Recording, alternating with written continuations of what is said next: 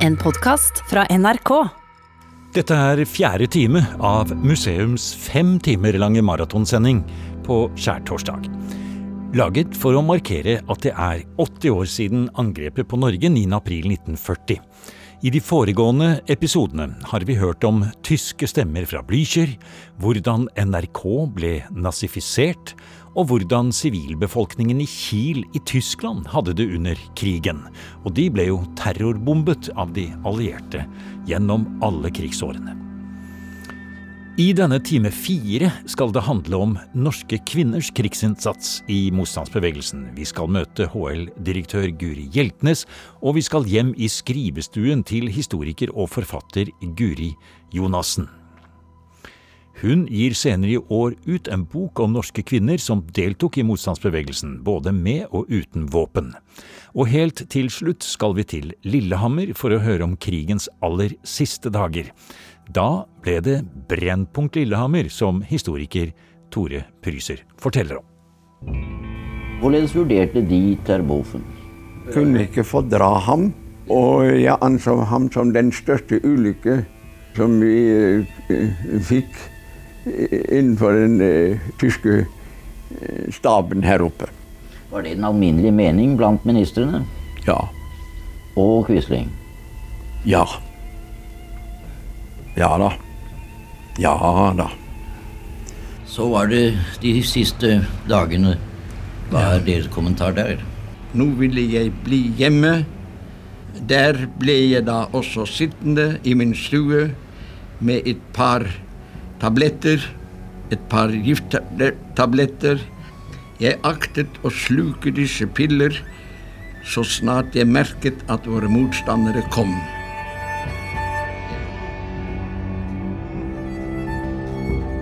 Velkommen til fjerde time i P2s ekstrasending om 9. april 1940. Det er 80 år siden angrepet på Norge. Og 38 år siden det opptaket ble gjort som vi nettopp hørte et lite utdrag fra i bakgrunnen her. Det var Dagsnytts Per Bøhn som intervjuet den da 85 år gamle Sverre Risnes i 1982. Risnes var justisminister i Vidkun Quislings regjering, men var så sinnsforvirret i Landsvik-saken at han unngikk dødsstraff. Det er svært få som noen gang har hørt intervjuet med Risnes. Og når vi i neste time av denne ekstrasendingen mellom klokken 12 og 13 sender noen utdrag fra intervjuet, er det første gang dette materialet blir offentliggjort.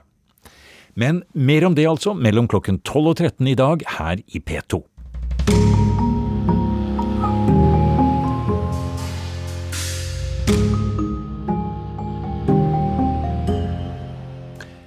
Nå skal vi straks møte forfatter og historiker Mari Jonassen, som nå i vår kommer ut med en ny bok om norske kvinner som deltok i motstandskampen under krigen. Og vi skal til Lillehammer og møte historiker Tore Pryser, som også kommer ut med en ny bok om krigen. Den heter Brennpunkt Lillehammer og handler om det store spillet rundt tyskernes kapitulasjon, og hvor galt det kunne ha gått i Norge.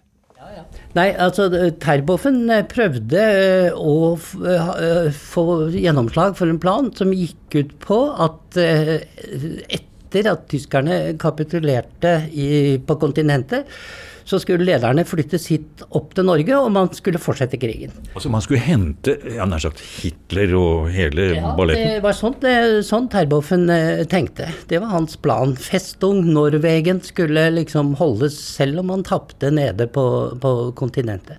Men heldigvis, får vi vel si, så kom ikke Hitler opp til Norge for å fortsette kampen her. Han tok som kjent sitt eget liv i førerbunkeren i Berlin, og ble kremert i bensin på en parkeringsplass som i dag bare ligger et lite steinkast fra minnesmerket over holocaust i Berlin. Før vi snakker med Mari Jonassen og Tore Pryser, så ringer vi opp Guri Hjeltnes på vår koronatelefon. Hun er historiker, forfatter, forsker, tidligere professor ved BI, for å nevne noe, og er nå direktør ved Senter for studier av holocaust og livssynsminoriteter, HL-senteret på Bygdøy. Der kan de for øvrig feire sitt 20-årsjubileum neste år. Som historiker er den norske okkupasjonshistorien spesialfeltet til Guri Hjeltnes. Vi arbeider jo med holocaust, andre folkemord, minoriteter. Ble jo etablert i 2001 og er 20 år i 2021, som du sier. Eh, men har jo gjennom årene da gått inn i en rekke samtidstemaer. Eh, forsket på antisemittisme, høyreekstremisme, minoriteters kår internasjonalt også. Vi arbeider jo nå med jesidiene og rohingyaene i Myanmar. Um, og minoriteter i Norge og livssynsminoriteter i Norge, både nasjonalt og internasjonalt. HL-senteret har også arbeidet med rom i mange år og skrevet om uh, og hatt utstillinger om uh, norske rom. Skrevet hvordan norske rom ble ekskludert fra Norge på 1930-tallet. Havnet i Auschwitz-Birkenau av 66 Uh, norske rom var det fire som kom tilbake. Jeg har vært med å dokumentere det, og det er jo viktige historier å løfte fram. Eh, samtidig som man da har forsket på jødenes skjebne og samler arkiver og bygget opp. Så over den 20-årsperioden så har jo HL-senteret, eh, som er en forskningsinstitusjon og formidlingsinstitusjon, dokumentasjonsinstitusjon, endret seg i pakt med ny forskning og ny kunnskap. Og i Norge så har det jo i denne samme perioden vært mange andre gode kolleger med. Jeg har lyst til å nevne våre kolleger i Trøndelag, Falstadsenteret, som også er oppgradert og utvidet disse årene. Vi har Arkivet i Kristiansand, som er den gamle holdt på å si, statsarkivbygningen som var Gestapos hovedkvarter i Kristiansand under annen verdenskrig, som nå er en eh, freds- og menneskerettighetssenter. Du har jo et jødisk museum i Oslo og jødisk eh, Eh, museum i Trondheim. Så det er jo mange som har vært med å løfte fram historiene om jødene og holocaust i dette landet, og også internasjonalt. Så kunnskapen akkurat på de feltene der har jo endret seg eh, de siste tiårene. De var jo ofte ikke med i denne store nasjonale fortellingen vi snakker om, eh, med om eh, eh sånn nasjonal konsensus, hvor man liksom fokus var på noe helt annet enn eh, da jeg startet ut som historiker, så var det veldig liten kunnskap om jødene, og liten interesse også blant både journalister og forfattere om hva som, eh, hva som var, var, det viktige. Det, jo, det, har jo vært en sånn, et nasjonalt konsensussyndrom. Eh, hvor man liksom har sett skrevet om krigen og okkupasjonsårene som en om at opposisjon og kamp mot nazistiske statsmakt med demokratisk restaurasjon som endelig mål var av et gode, og at nasjonal samling og okkupant var av det onde. Uh, og liksom, dette har på en måte blitt det det, vært, det, var jo reelle konflikter mellom utefront og hjemmefront, mellom Eksil-Norge og hjemme allment, mellom aktive og passive, mellom kommunister og ikke mellom motstand og kollaborasjon. Men det har jo vært mye forskning som har drevet innen en sånn nasjonal konsensusrom, og dette er jo brutt opp eh, ganske mye. Samtidig så er det noen temaer som man ikke forsker på lenger. Man kunne jo tenke seg at man kunne få en ny studie av motstandsbevegelsen og hjemmefronten. Det er lenge siden det var gjort et stort forskningsprosjekt på det. Vi vet for lite om en del felter, f.eks. Wehrmacht vet vi for lite om. Og det kommer jo, men det skal vi kanskje snakke mer om, men det har jo kommet utrolig mye bøker, forskningsprosjekter, de siste tiårene som har brakt ny kunnskap om annen verdenskrig. Og ikke minst har jeg lyst til å si at det at Landsvikarkivet ble gjort tilgjengelig for folk flest, det er jo bare noen få år siden det skjedde, det vil på lengre sikt risle ny kunnskap over krig og okkupasjon i dette landet. Mm. Og, legger HL-senterets direktør Guri Hjeltnes til, det kommer stadig nye kilder fra de tidligere østeuropeiske landene, ettersom arkiver åpnes opp for forskere i større grad. Holocaust, forfølgelser, undertrykkelse og tap av menneskerettigheter. Det er selvsagt svært viktige områder å forske på og dokumentere, men vi spør også Guri Hjeltnes om sivilbefolkningens hverdagskår under krigen. Hvordan påvirket 9. april og okkupasjonen nær sagt vanlige mennesker? Selve 9. april var jo et, det var jo et overrumpeelsesanfall. og liksom noen, noen, skjønte med en gang hva dette var, og andre tok det tid. Altså det å bli, bli okkupert, det var jo en prosess. Det var jo på en måte et Det er noen som er historikere har jo kalt Norden og Norge velferdsstatens laboratorier. At man mente at man i disse landene prøvde eh, fredelige måter å løse politiske sosiale konflikter på. Og dermed så, når da den annen verdenskrig, så ble dette eksperimentet fra 30-tallet liksom skjøvet på. Så man kan jo nesten jeg ble litt inspirert i sin tid av en eh, kollega, Knut Kjelstadli, til å se på krigen som et sosialt eksperiment, Norge som et laboratorium. At liksom i fem år ble land og befolkning underkastet stadig nye eksperimentene. Det at okkupasjonsmakten kom ustanselig med nye ordrer, fulgte opp en nidkjærhet, brukte ressurser. Nazistiske instanser gikk inn, prøvde å gå foran. At det var jo trykk med en fremmed makt på norsk jord som var en langvarig prøve for samfunnsmaskineriet. Og det er jo det som gjorde at folk langsomt, eh, noen hurtigere enn andre, særlig i bysamfunnene, så opplevde de Vi lever jo nå i en koronatid, som du sier. Men folks handlefrihet ble jo begrenset etter hvert. Man måtte jo søke om reisetillatelse og grensepass bare for å dra noen mil av sted til kjentfolk. Det kom jo til tusener av forskrifter, forordninger, påbud, forbud, lover, reguleringer, og det formørket jo folks liv. Norge ble jo et gjennomregulert samfunn. Økonomien ble gjennomdirigert, beordret etter nazistisk kommando. Og så er det liksom det daglige livet, da. Butikkhyllene ble tomme. Forretninger stengt for kortere tid. Det var selvforsyning og en uformell, uregulert økonomi som ble viktige tilskudd til leve, leve, levestandarden, ved siden av eh, reguleringer som rasjoneringskort og porsjonering. Altså det tok jo også to-tre år før alle matvarer ble borte og ble langsomt. Det var jo noe rasjonering allerede 9.4, og så kom det gradvis etter. Og så liksom forsvant de forskjellige Egg forsvant jo helt ut fra markedet. Slik at avisene ble jo stanset, sensurert. Tyskerne tok inn radioene i 41. Så du kan si kanalene for handel med utlandet ble langt på vei lukket igjen, med unntak for Tysklands innførsel og utførsel. Slik at dette var jo et utrolig trykk. Så for folk flest da, så ble det en utfordring. Å overleve på anstendig vis, overleve menneskelig, overleve moralsk, stå imot ideologisk, politisk og økonomisk trykk. Man skulle overleve materielt under varemangel og rasjonering. Så under denne tyske nazistiske avstemninger, lukkingen av Norge, så var det jo mange som forsøkte å trosse okkupasjonsmakten. ikke sant? Prøvde å finne andre kanaler. Eh, når de gamle ble stengt, radioen ble tatt, da måtte ble det, fikk du framveksten av illegale aviser. ikke sant? Den ordinære pressen ble sensurert. Mange aviser og blader ble jo stanset av stanset. Radiolytting forbudt. Så det er i et slikt samfunn. Under press så viser jo mennesker sin styrke og svakhet. Og det Norge var jo det eneste landet i Norden som på den måte ble utsatt for et forsøk på total nazifisering av hele samfunnslivet. Så det er klart, dette la byrder på samfunnet. Krig og okkupasjon. Fordeling av byrdene betydde mye for utvikling av forholdet mellom menneskene. Og dette var jo daglige levekår som påvirket samspillet mellom økonomiske, militære, politiske, sosiale og opinionsmessige funksjoner. Så sånn sett så kunne jo også da må man jo framheve at okkupasjonen førte at en stor del av Norges ressurser kom til å tjene okkupasjonsmakten. Og Slik sett så kan man si at okkupasjonen ble et slags sosialt eksperiment i norsk historie. Det norske samfunn ble endevendt, og ble faktisk endret. Men norske menn, norske kvinner, slo huller i dette laboratoriet, fant luftventiler, eh, prøvde å finne huller i dette rigide systemet. Eh, motstandsvirksomhet, illegal virksomhet, eh, prøve å bryte fram egen matauk. Hele spekteret. Eh, klare fronter innen noen, noen laug og bransjer. Så sånn sett så kan man si at det norske folks moral og karakter ble testet.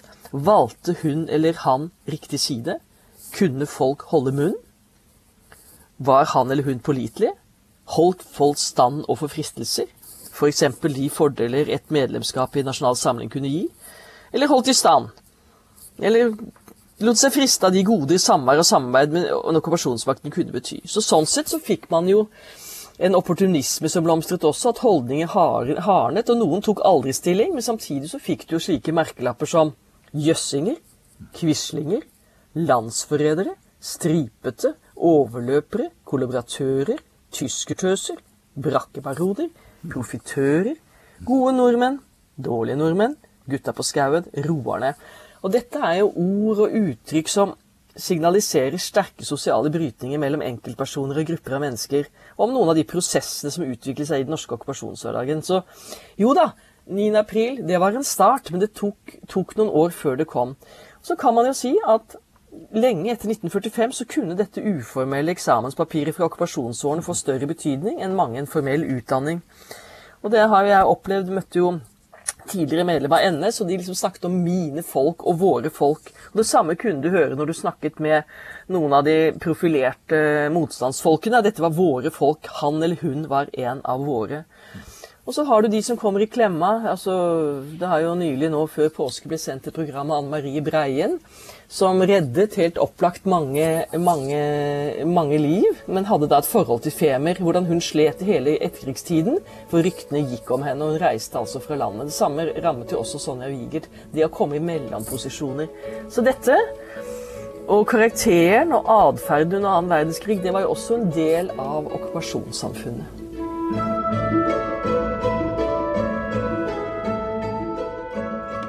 Det er som om historiker og HL-senterets direktør Guri Hjeltnes snakker om en annen kultur, et annet folk, et annet sted, når hun beskriver okkupasjonssamfunnets mange åpne og skjulte mekanismer.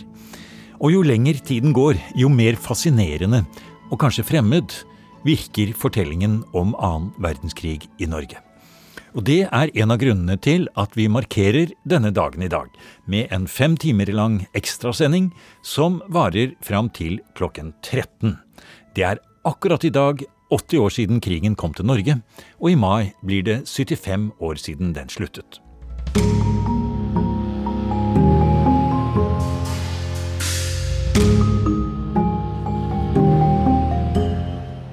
Om litt skal vi til Brennpunkt Lillehammer og historiker Tore Pryser for å få høre mer om hva som skjedde på Lillehammer i krigens siste dager. Men først kvinnenes krig. Annen verdenskrig i Norge handler ikke bare om menn, selv om det kanskje kan virke sånn i mange sammenhenger. Men det er jo ikke riktig i det hele tatt, sier historiker og forfatter Mari Jonassen, som nå kommer med en helt ny bok om kvinnene som deltok i motstandsarbeidet. Og det var mange flere, sier hun, enn det man tidligere har trodd. Ja, det var det. Det var eh, relativt mange også. Um, vi vet jo ikke helt antallet, for det er veldig få snakka om krigen etter krigen. Eh, og det å dokumentere, skrive om, forske på, hente inn materiale om kvinnene som deltok i motstandskampen under annen verdenskrig, det har jo du arbeidet med ganske lenge, og andre forskere også, for den saks skyld. Og nå sitter vi her i din eh, skrivestue i Oslo. Og på, på Mac-en din bak her så er det et stort, flott uh, uh, nytt cover uh, som, som, er da fra ditt nå helt siste arbeid, som ennå ikke faktisk har kommet i butikkene. Ja, det, det er det. Jeg har holdt på nå i ja, mot i hvert fall tre år. Tre, kanskje nesten fire år med å skrive en bok om hvor jeg skal prøve å ta for meg alle kvinnene. Hele, på en måte hele historien om kvinnene fra invasjon, men også for så vidt før invasjon, for det var jo kvinnelige krigsseilere, f.eks. Eh, og til freden. Hva tenkte kvinnene om freden? Mm. Og nå, nå, ser vi faktisk på coveret, da, og det er delt i to. Det, boken eh, som kommer nå, heter 'Norske kvinner i krig 1939 45'. Og det er to fotografier på det coveret. Fortell litt om hva de to fotografiene er, og hvorfor du har valgt nettopp disse to. Det nederste bildet er et, en situasjon av tre kvinner som jobber med en illegal avis. Og det var jo de illegale avisene det var flest kvinner som var engasjert i. Samtidig i arbeidet så ble jeg litt overraska over at det var såpass mange kvinner som faktisk fikk våpentrening som hadde tilgang på våpen, som hadde våpen under hodeputa, som gikk med giftpiller for, fordi de var, i tilfelle de ble tatt. Derfor insisterte jeg på at vi skulle ha et bilde med kvinner med våpen. Og det bildet vi har her, det er da fra Dumfries, hvor eh, norske kvinnelige marinesoldater eh, har skytetrening. Ja. Når du da sier Dumfries, vi skjønner at vi er i Skottland, vi skjønner at vi er i første del av krigen, men hvordan kom disse kvinnene til Dumfries? Hvem var det? Det var kvinner som enten allerede bodde i uh, utlandet, i England, uh, uh, og så var det kvinner som flyktet fra Norge. Særlig de da som kom seg over veldig tidlig i, altså fra Vestlandet med båt. Og det har jo ikke vært kjent før, at det faktisk var ganske mange kvinner som flykta med båt over til England første, det første året, ja, halvannet året, hvor den, hvor den, trafikken var aktiv. Og så var det en del kvinner som eh, flykta til, til Sverige. Og noen av de hadde da vært engasjert i motstand i Norge allerede, og ble da faktisk henta over med fly til England. Og så hadde vi jo noen, disse kvinnene som fulgte regjeringen over, oppe fra nord.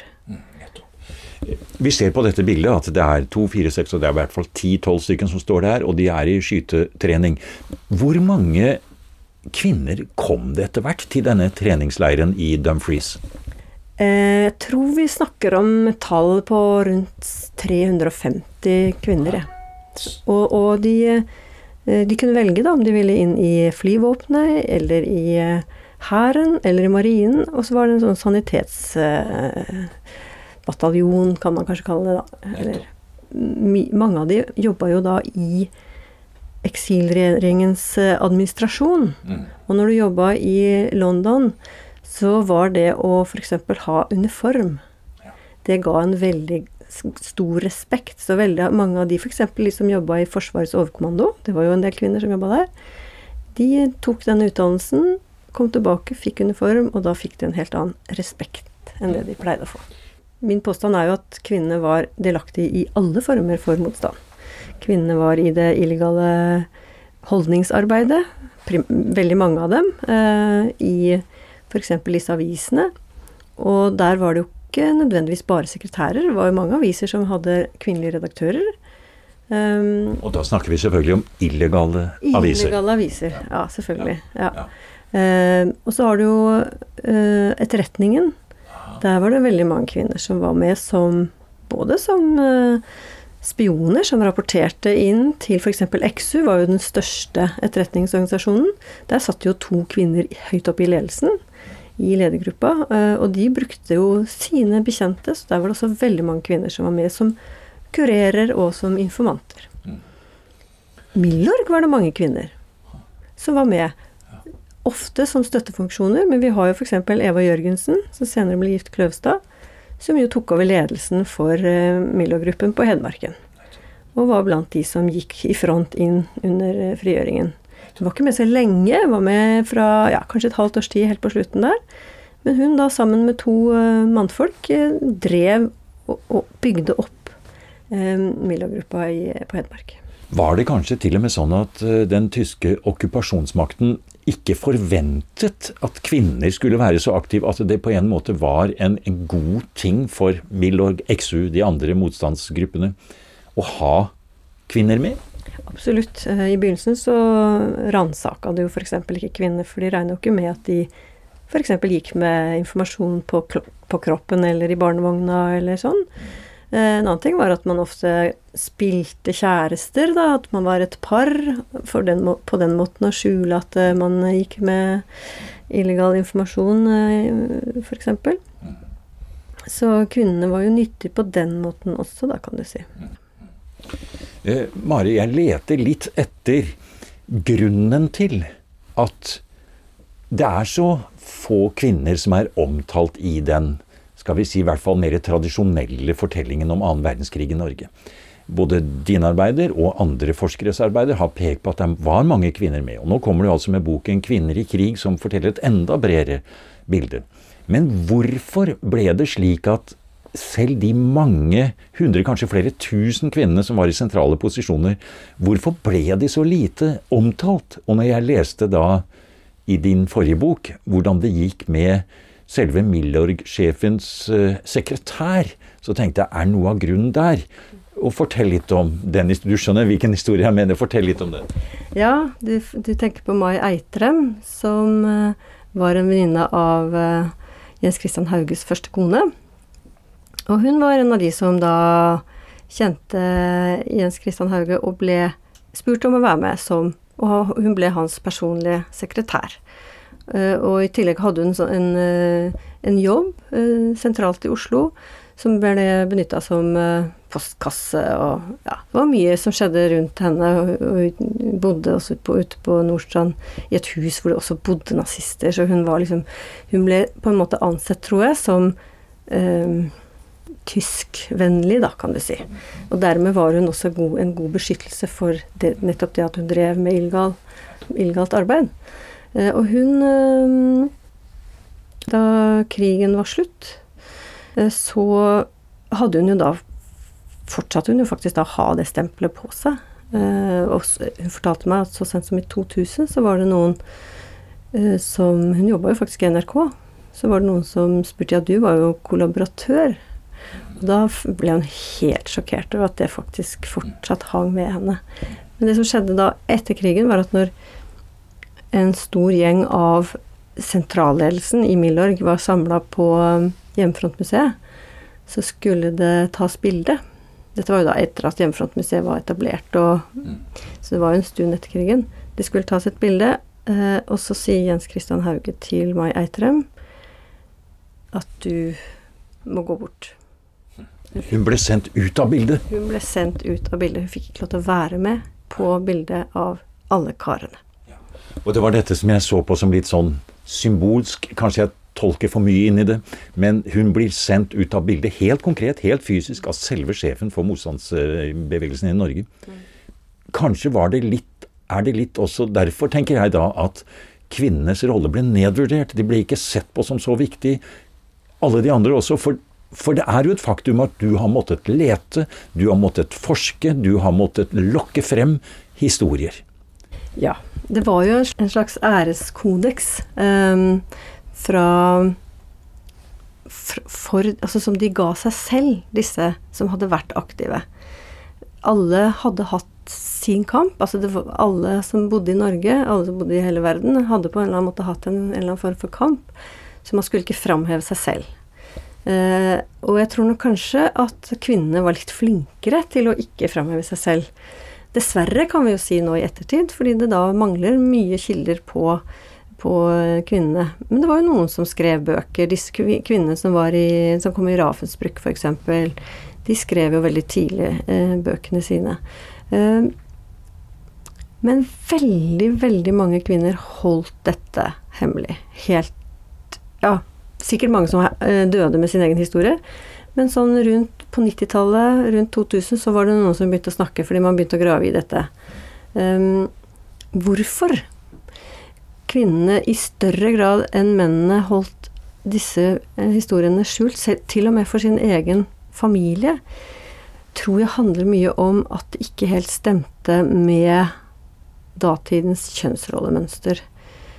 Det å ha vært i krig det var ikke spesielt feminint.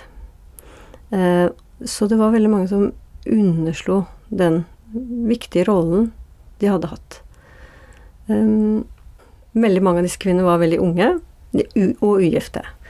Og så skulle gifte seg etter krigen. Noen hadde jo faktisk hatt lederstillinger i forhold til forlovede. Fordi det var folk vi kjente som var med, engasjerte, som ble rasende da de forsto at deres eh, kjæreste faktisk eh, var så dypt engasjert. F.eks. Eva Jørgensen er jo et eksempel på det, da. Um, andre kvinner møtte sine ektemenn etter krigen og fortalte aldri. Og hvorfor gjorde ikke det? Sannsynligvis var det kanskje en følelse av at man ja, Det var nok primært det å ikke fremheve sin egen rolle. Samtidig så var det noe I forhold til datidens kjønnsrollemønster så var det noe veldig sånn Det ble en skjevhet i forholdet. Kanskje ikke ektemannen hadde vært aktiv. Eh, og så skulle hun da gå rundt og være den som faktisk kjempet. Og man kan jo tenke seg da at på den tida så var krig veldig mye sterkere knytta til til dette kjønnsrollemønsteret. At det var mannen som kjempet, kvinnen var hjemme. Nå var det jo sånn at før krigen så var det jo flere i arbeid enn etter krigen. Vi fikk på 1950-tallet en slags sånn husmødrenes revival. Eh, veldig mange kvinner ble hjemme med barna. Sigrid Baalsrud, eh, hun f.eks. var med i en Milorg-gruppe på Vestlandet. Hun var blant de som faktisk ble invitert til å gå denne paraden eh, i juni eh, som 45, som kongen arrangerte. Eh, men hun møtte en mann, gifta seg med han, og hun følte veldig på den derre tristheten over å ha vært liksom midt i det. Det derre livet, på en måte. Den derre spenningen, det derre engasjementet. Og så, kom, og så kom freden. Og så var det liksom Så ble man på en måte pressa inn i de gamle rollene som man på en, måte, hadde brutt ut av, da. Så måtte man tilbake til eh, kjøkkenbenken, da. Men hun, hun, hun, begynte å studere, og hun eh, på en måte fikk jo en eh, karriere som jurist, da. Så hun, hun hadde jo Ja.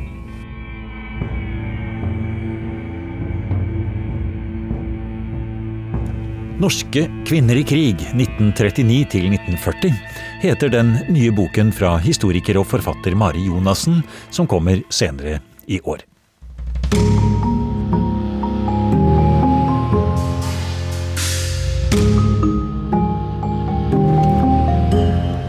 Frigjøringsdagene 1945, med undertittel Brennpunkt Lillehammer, heter en annen ny bok som nettopp har kommet ut i disse dager.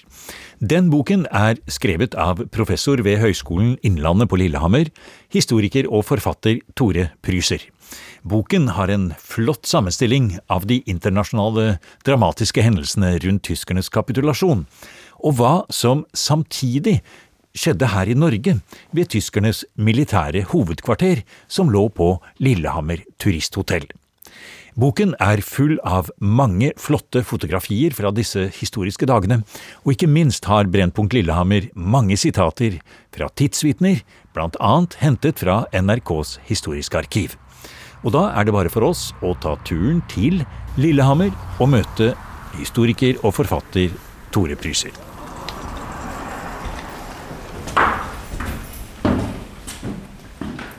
For et flott sted vi har kommet til nå, Tore. Nå står vi inne i den gamle delen av Lillehammer turisthotell og ser ut på ditt vakre Lillehammer. Ja, ja det, nå står vi her. Eh, dette er et hus som var bygd i 1911. Men det som er interessant i vår sammenheng her nå, er jo at dette var fra januar 1945 og til krigens slutt tyske Wehrmachts hovedkvarter i Norge.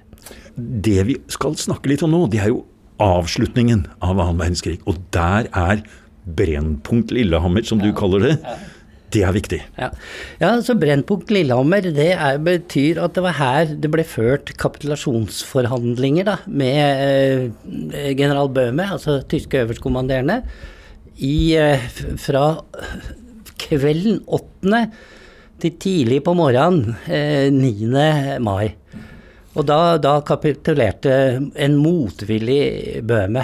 Og kapitulasjonen det skjedde ikke inni dette huset her, som var hovedkvarteret med møterom og alt mulig, men rett nedafor her mm, så ligger det en sentrum, ja. Ja, ligger det en villa som eh, på den tida ble kalt Vangsvillaen. Og der skjedde undertegnelsen av, eh, av, papirene. I mange år så trodde jeg at undertegnelsen skjedde her oppe. Det sto et skrivebord her som var Bøhmes, og man reklamerte litt med at her undertegna Bøhme. Men faktum er at det var her nede i eh, Rett nedenfra. Det gikk en sti da, sånn, og så eh, nedover. Men hvorfor kom den tyske overkommandoen i Norge hit? Altså, jeg hadde trodd at de kanskje ville vært i Oslo? Ja, De var i Oslo. De uh, tyske hovedkvarter var på KNA-hotellet i Oslo. Men det var altså uh, frykt for uh, at ikke Oslo var trygt nok. ikke sant? Du hadde bombingen ved årsskiftet, årsskiftet 44-45 av Victoria terrasse og store ødeleggelser. Så man trakk seg tilbake her. Og her var det et flott hotell, turisthotell. Og rundt eh, området her så var det masse villaer som eh, Som ble rekvirert, da? Som ble rekvirert av tyskerne.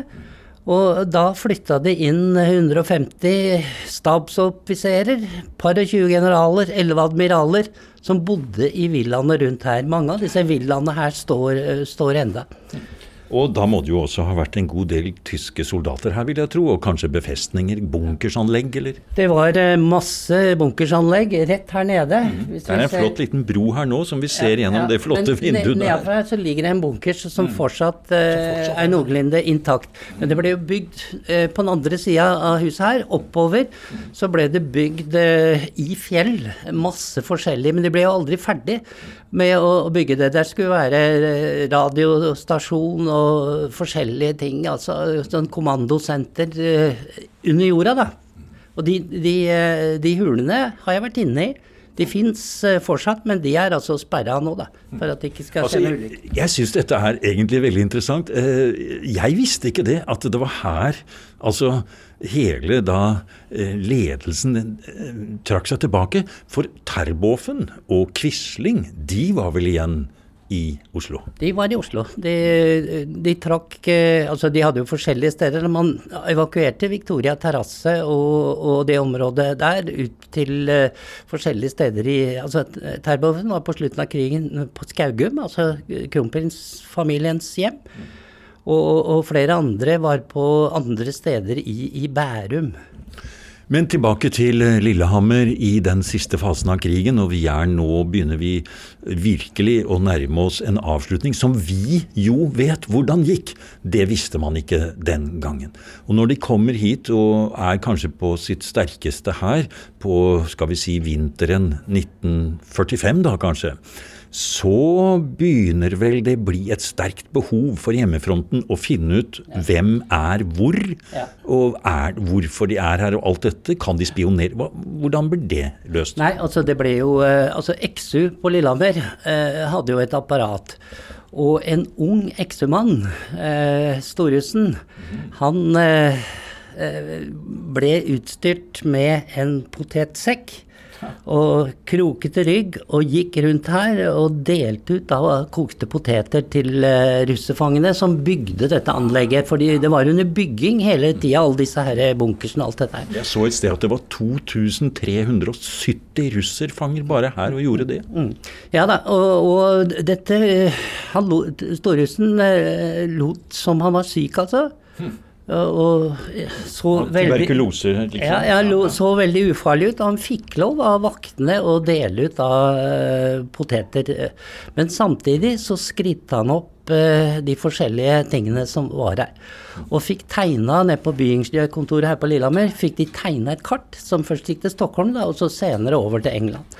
Så man hadde veldig god oversikt uh, over hvordan, eh, hvordan det så ut eh, her oppe. For det var store planer nemlig om eh, hva man skulle gjøre med eh, hotellet her. Eh, Nå skal vi høre litt fra arkivet. Et eh, klipp som du også har med i din bok 'Brennpunkt Lillehammer', som kommer nå på våren 2020. Og Der skal vi høre på Erling Storhusen, hvordan han forteller selv hvordan dette her foregikk. Så det første vi gjorde, var å få kartlagt hele området meget nøye. Jeg skrittet opp faktisk overalt, og jeg forstår ikke den dag i dag at jeg fikk lov å gå der. Og eh, jeg skrittet da videre ned til byingeniørkontoret, hvor Sigurd Pettersen satt klar med glimrende kartmateriale, selvfølgelig, byingeniørkontoret. Og så tegnet Sigurd inn da hver eneste vaktpost og hver eneste piggtråd og alt sammen her oppe. Ja, Sigurd Pettersen sitter ved din side her. Sigurd Pettersen, li, li, litt raskt her nå. Eh, Du var jo i Sivorg-ledelsen, men eh, du jobbet altså også tett med en villstyring som, som spionen Storhusten her. Altså, Jeg hadde jo også arbeidet på hjemmefronten, i hjemmefrontens ledelse. Eh, Nå var jo Lillehammer i et brennpunkt den gangen.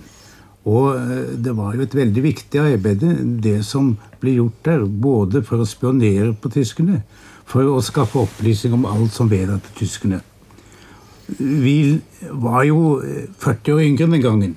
Og kanskje vi får også innrømme Erling, at vi drev nå med en del vidtløftende planer for på hvilken måte skulle vi i grunnen ramme tyskerne. Eh, disse planene som du nevnte. Eh, vel, vi satt nok og diskuterte, men jeg tror både du og jeg, Erling, er enige om at det, var kanskje ikke så realistisk som å tro at det var mulig å gjennomføre det. For det at det var et usedvanlig farlig stykke arbeid å sprenge eh, hovedkvarteret til de her. Ja, ja, men Sigurd, vi hadde greid det. Vi hadde jo tre muligheter. Det ene var jo at de satt borte i Stockholm og planla at det kunne plasseres en magnet på turisthotellet, og så skulle de allierte flyene komme og bombe det. Det tror jeg hadde gått aldeles uh, galt. Og jeg tror ikke jeg hadde fått noe ut av det, egentlig, annet enn å, gjøre stor skade. Ja, For hele dette turisthotellområdet var jo veldig godt kamuflert. Var det ikke spent nett over Jo da, men du vet, hotellet vistes jo. Vi så jo hotellet tror jeg nok var synlig fra luften. Så hadde vi en annen en som ikke er kommet fram. Og det var at vi hadde en deilig kommandogruppe av Lillehammer-gutter borte i Stockholm som jeg var borte og snakket med, og vi gikk, gjennomgikk kartene.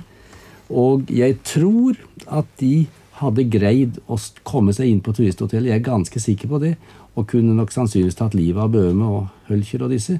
Men eh, vi vet jo ikke.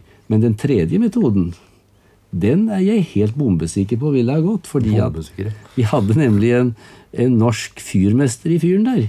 Og han holdt vi i beredskap. Og vi var helt sikre på at han hadde vært villig til å bære inn tilstrekkelig antall kilo nitroglyserin, legge de i fyrrommet rett under eh, stabskontoret til Bøhme og hans offiserer, og sprenge det hele til himmels. Men så var det det igjen, da. Hva skulle det være godt for? For de da hadde sannsynligvis hele Lillehammer blitt jevnt med jorden. Eh, Du nevnte nettopp dette med folk dere hadde i beredskap. Eh, Ja, det var Erling Storhusen fra Lillehammer i et arkivopptak fra 1985. Og vi hørte også programleder Kai Sibbern. Erling Storhusen var jo etter krigen en kjent mann i norsk næringsliv, bl.a. i SAS og i mange år som direktør for Norges Automobilforbund.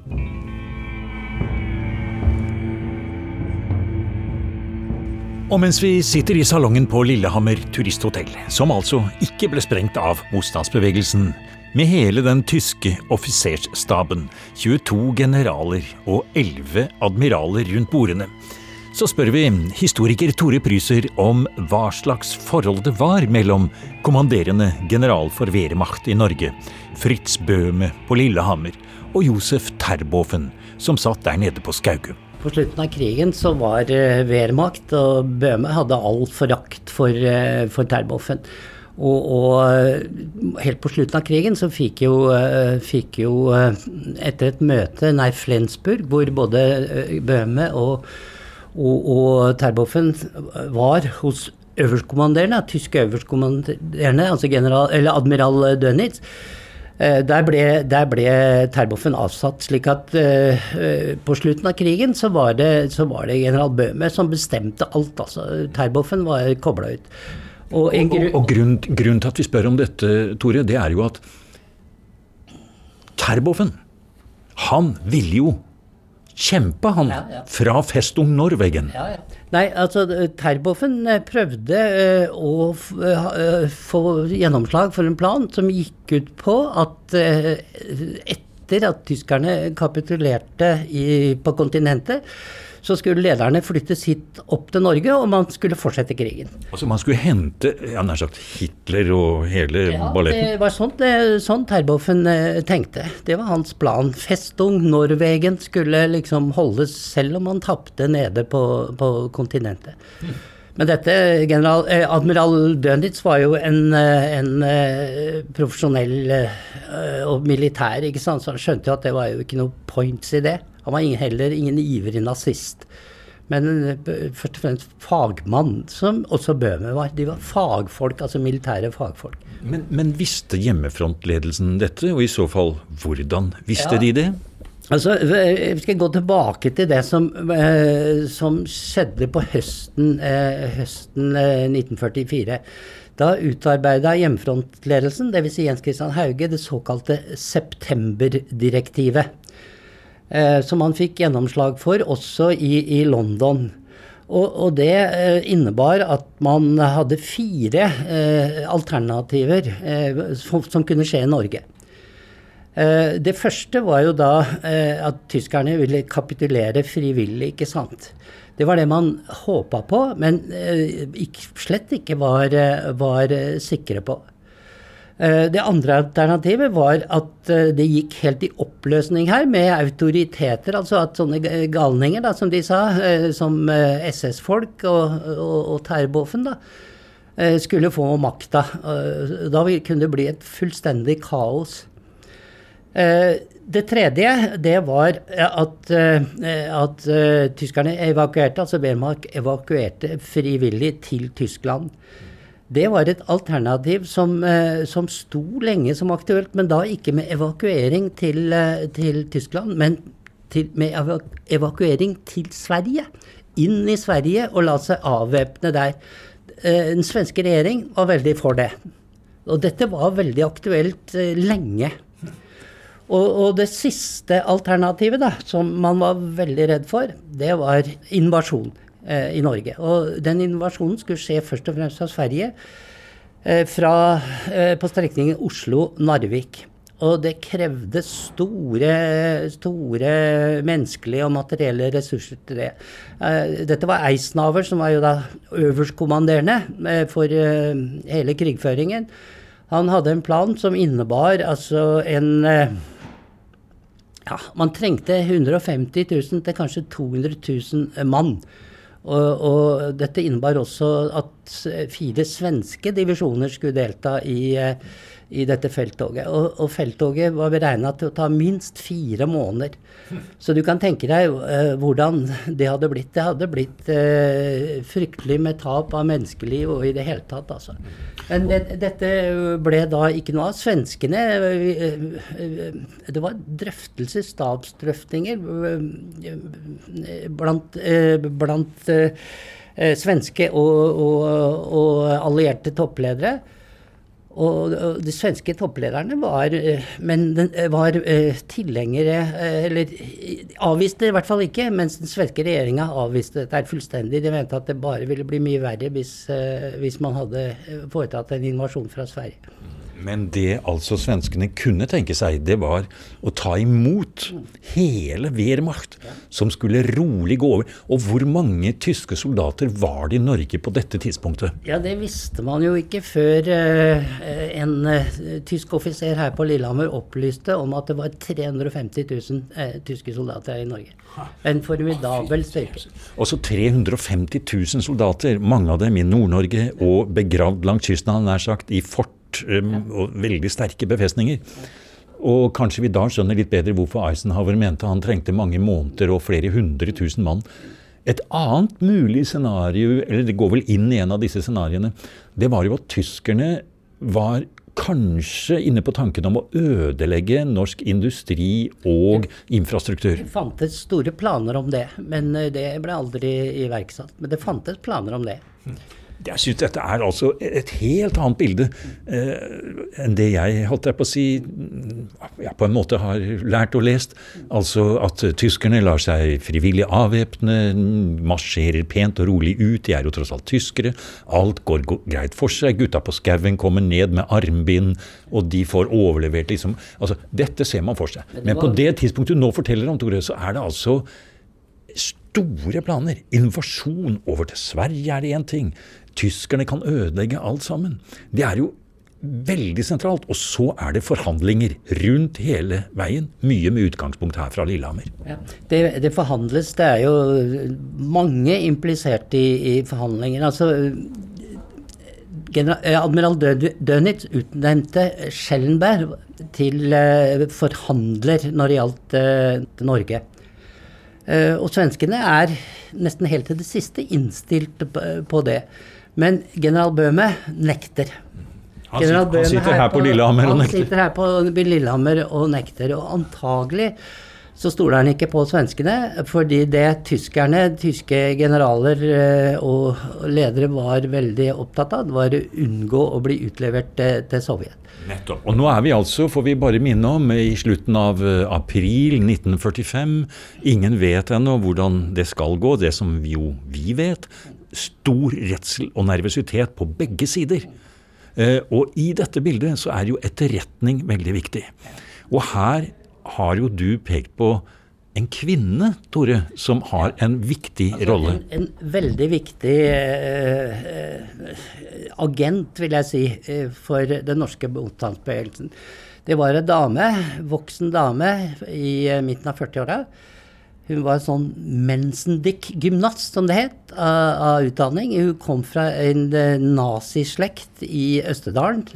Ingrid Furuseth. Furuseth storbonder og nazister i, i Østerdalen. Men hun var ingen nazist. Hun hadde forbindelse med, med motstandskretser i Norge, altså familien An, An, eh, Tobak, Tobakks-Andresen. Uh, Arvid Brodersen og, og andre i Til og med Nansen-familien? forstås? Nansen-familien, også uh, i, i et borgerlig miljø. Og Arvid Brodersen var en veldig viktig uh, mann for Jens Christian Hauge. Men han kom i søkelyset. Og Ingrid Furuseth ble rekruttert av eh, Brodersen til å være forbindelsen mellom Hammersen her på Lillehammer og Jens Christian Hauge i Oslo. Så hun eh, var eh, altså den som mottok beskjeder og formidla beskjeder begge veier. Dette var en dialog som gikk begge veier. Slik at, eh, slik at Hauge visste hvordan, hvordan de tenkte her oppe på, i hovedkvarteret gjennom Hammersen, da, som ble formidla av Ingrid Furuseth. Og motsatt. Eh, For man formidla også hvordan eh, motstandsbevegelsen altså, eh, ville handle. Det var jo planer om en folkestreik, ikke sant. Dette lot man tyskerne få vite om.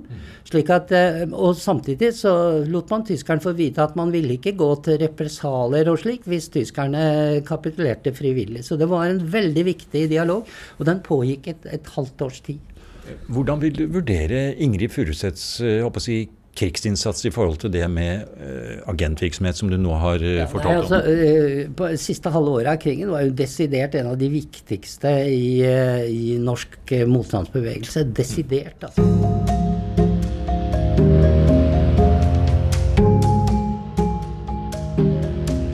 Du hører nå på fjerde og nest siste time av P2s ekstrasending, Angrepet på Norge 9.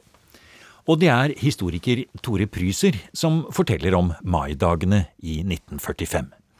I neste time skal det handle om nazisten Sverre Risnes, justisminister i Vidkun Quislings regjering.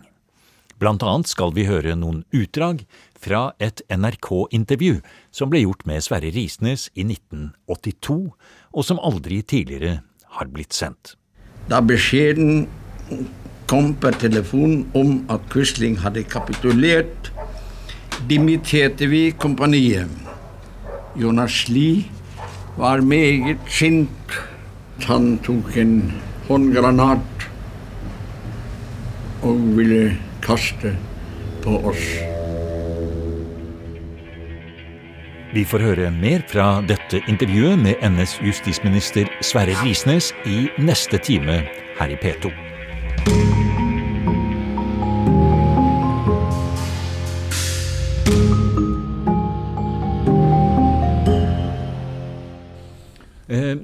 Når det gjelder det tidspunktet vi er på nå, altså det er 80 år siden angrepet på Norge, 75 år siden krigen ble avsluttet. Du har jo arbeidet mye i din forskning, eh, Tore, med NS-folk og nær sagt landssvikere, og møtt også mange av deres etterkommere. Er det riktig å si at vi i dag har et mye mer åpent og kanskje interessert eh, klima rundt dette enn det det var f.eks. For, for 20 år siden? Ja, det vil jeg absolutt si. Altså, jeg har jo eh, nå drevet i 40 år som, eh, som historiker og, og, og, og lærer på Høgskolen i Lillehammer. Og i de seinere åra så har jeg møtt og fått henvendelser fra flere skal vi si, tredjegenerasjons etterkommere av folk eh, NS, og de har mye mer avslappa forhold til, generasjonen før, eller generasjonen før der igjen. Så, og Landsvikarkivet ble for et par år siden åpna.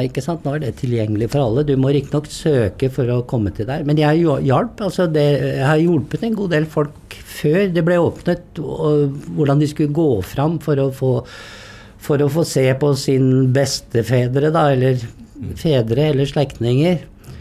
Og veldig mange oppdager jo når de har vært der, altså de hører jo det at eh, bestefar var NS-mann. ikke sant? Dette kanskje de ikke er visst, men plutselig så får de greie på det når bestefar dør eller noe sånt. Nå. Og dette syns de er fælt. Og så kikker de på Landtvik-saka, som de har fått adgang til da i Riksarkivet, og så finner de at tre-fire sider var ingenting. Formelt medlemskap i NS gjorde ingenting annet. Og de fleste som, som var i den situasjonen, de fikk jo da et, som regel et forelegg på 500 kroner, som du kan gange med 20. Da var omtrent eh, verdien i dag.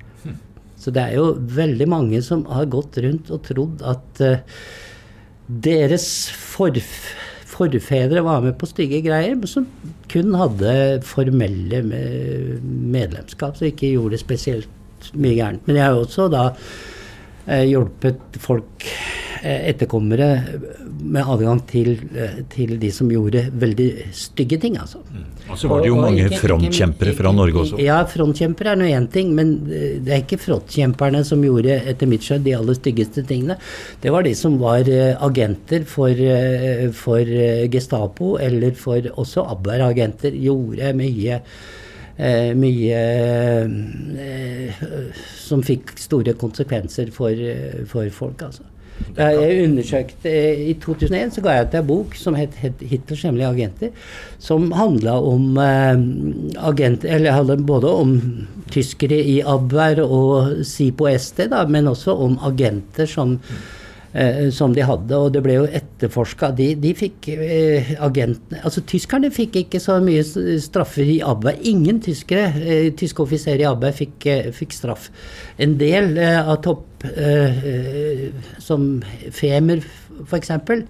Gestapo-sjefen i Oslo på slutten av krigen, han fikk jo dødsstraff. Og, og også uh, noen andre uh, fikk dødsstraff. Men uh, når det gjaldt agenter, så var det jo flere som, som fikk dødsstraff og livsvarig fengsel. La oss få litt om denne Sverre Risnes, som vi jo sitter med et materiale på, og som vi etter hvert skal komme mer tilbake til. Hvem var han under krigen? Nei, han var, jo, eh, han var jo justisminister. Han var jo jurist, dyktig jurist. Han var kjent som en dyktig aktor eh, i mange rettssaker fra, fra før krigen. Bl.a. Menstad-slaget og Trotskij-saken. Ja, ja. ja. Trotskij-saken, Menstad-slaget. Så han var en anerkjent eh, jurist, altså. Og, men også en glødende nazist. Tilhørte de som hadde mest sans for den tyske eh, nazismen i, eh, i Quisling-regjeringen. Altså Han var jo justisminister, så da må vi jo formode at han kanskje godkjente en del både dødsdommer og andre ting? Det gjorde han, og han var jo også til stede ved, ved henrettelser. Det var han også. Og uh, han og, og, Jonas Lie gjorde jo også uh, en kort tid tjeneste på østfronten. Uh, militærtjeneste på østfronten.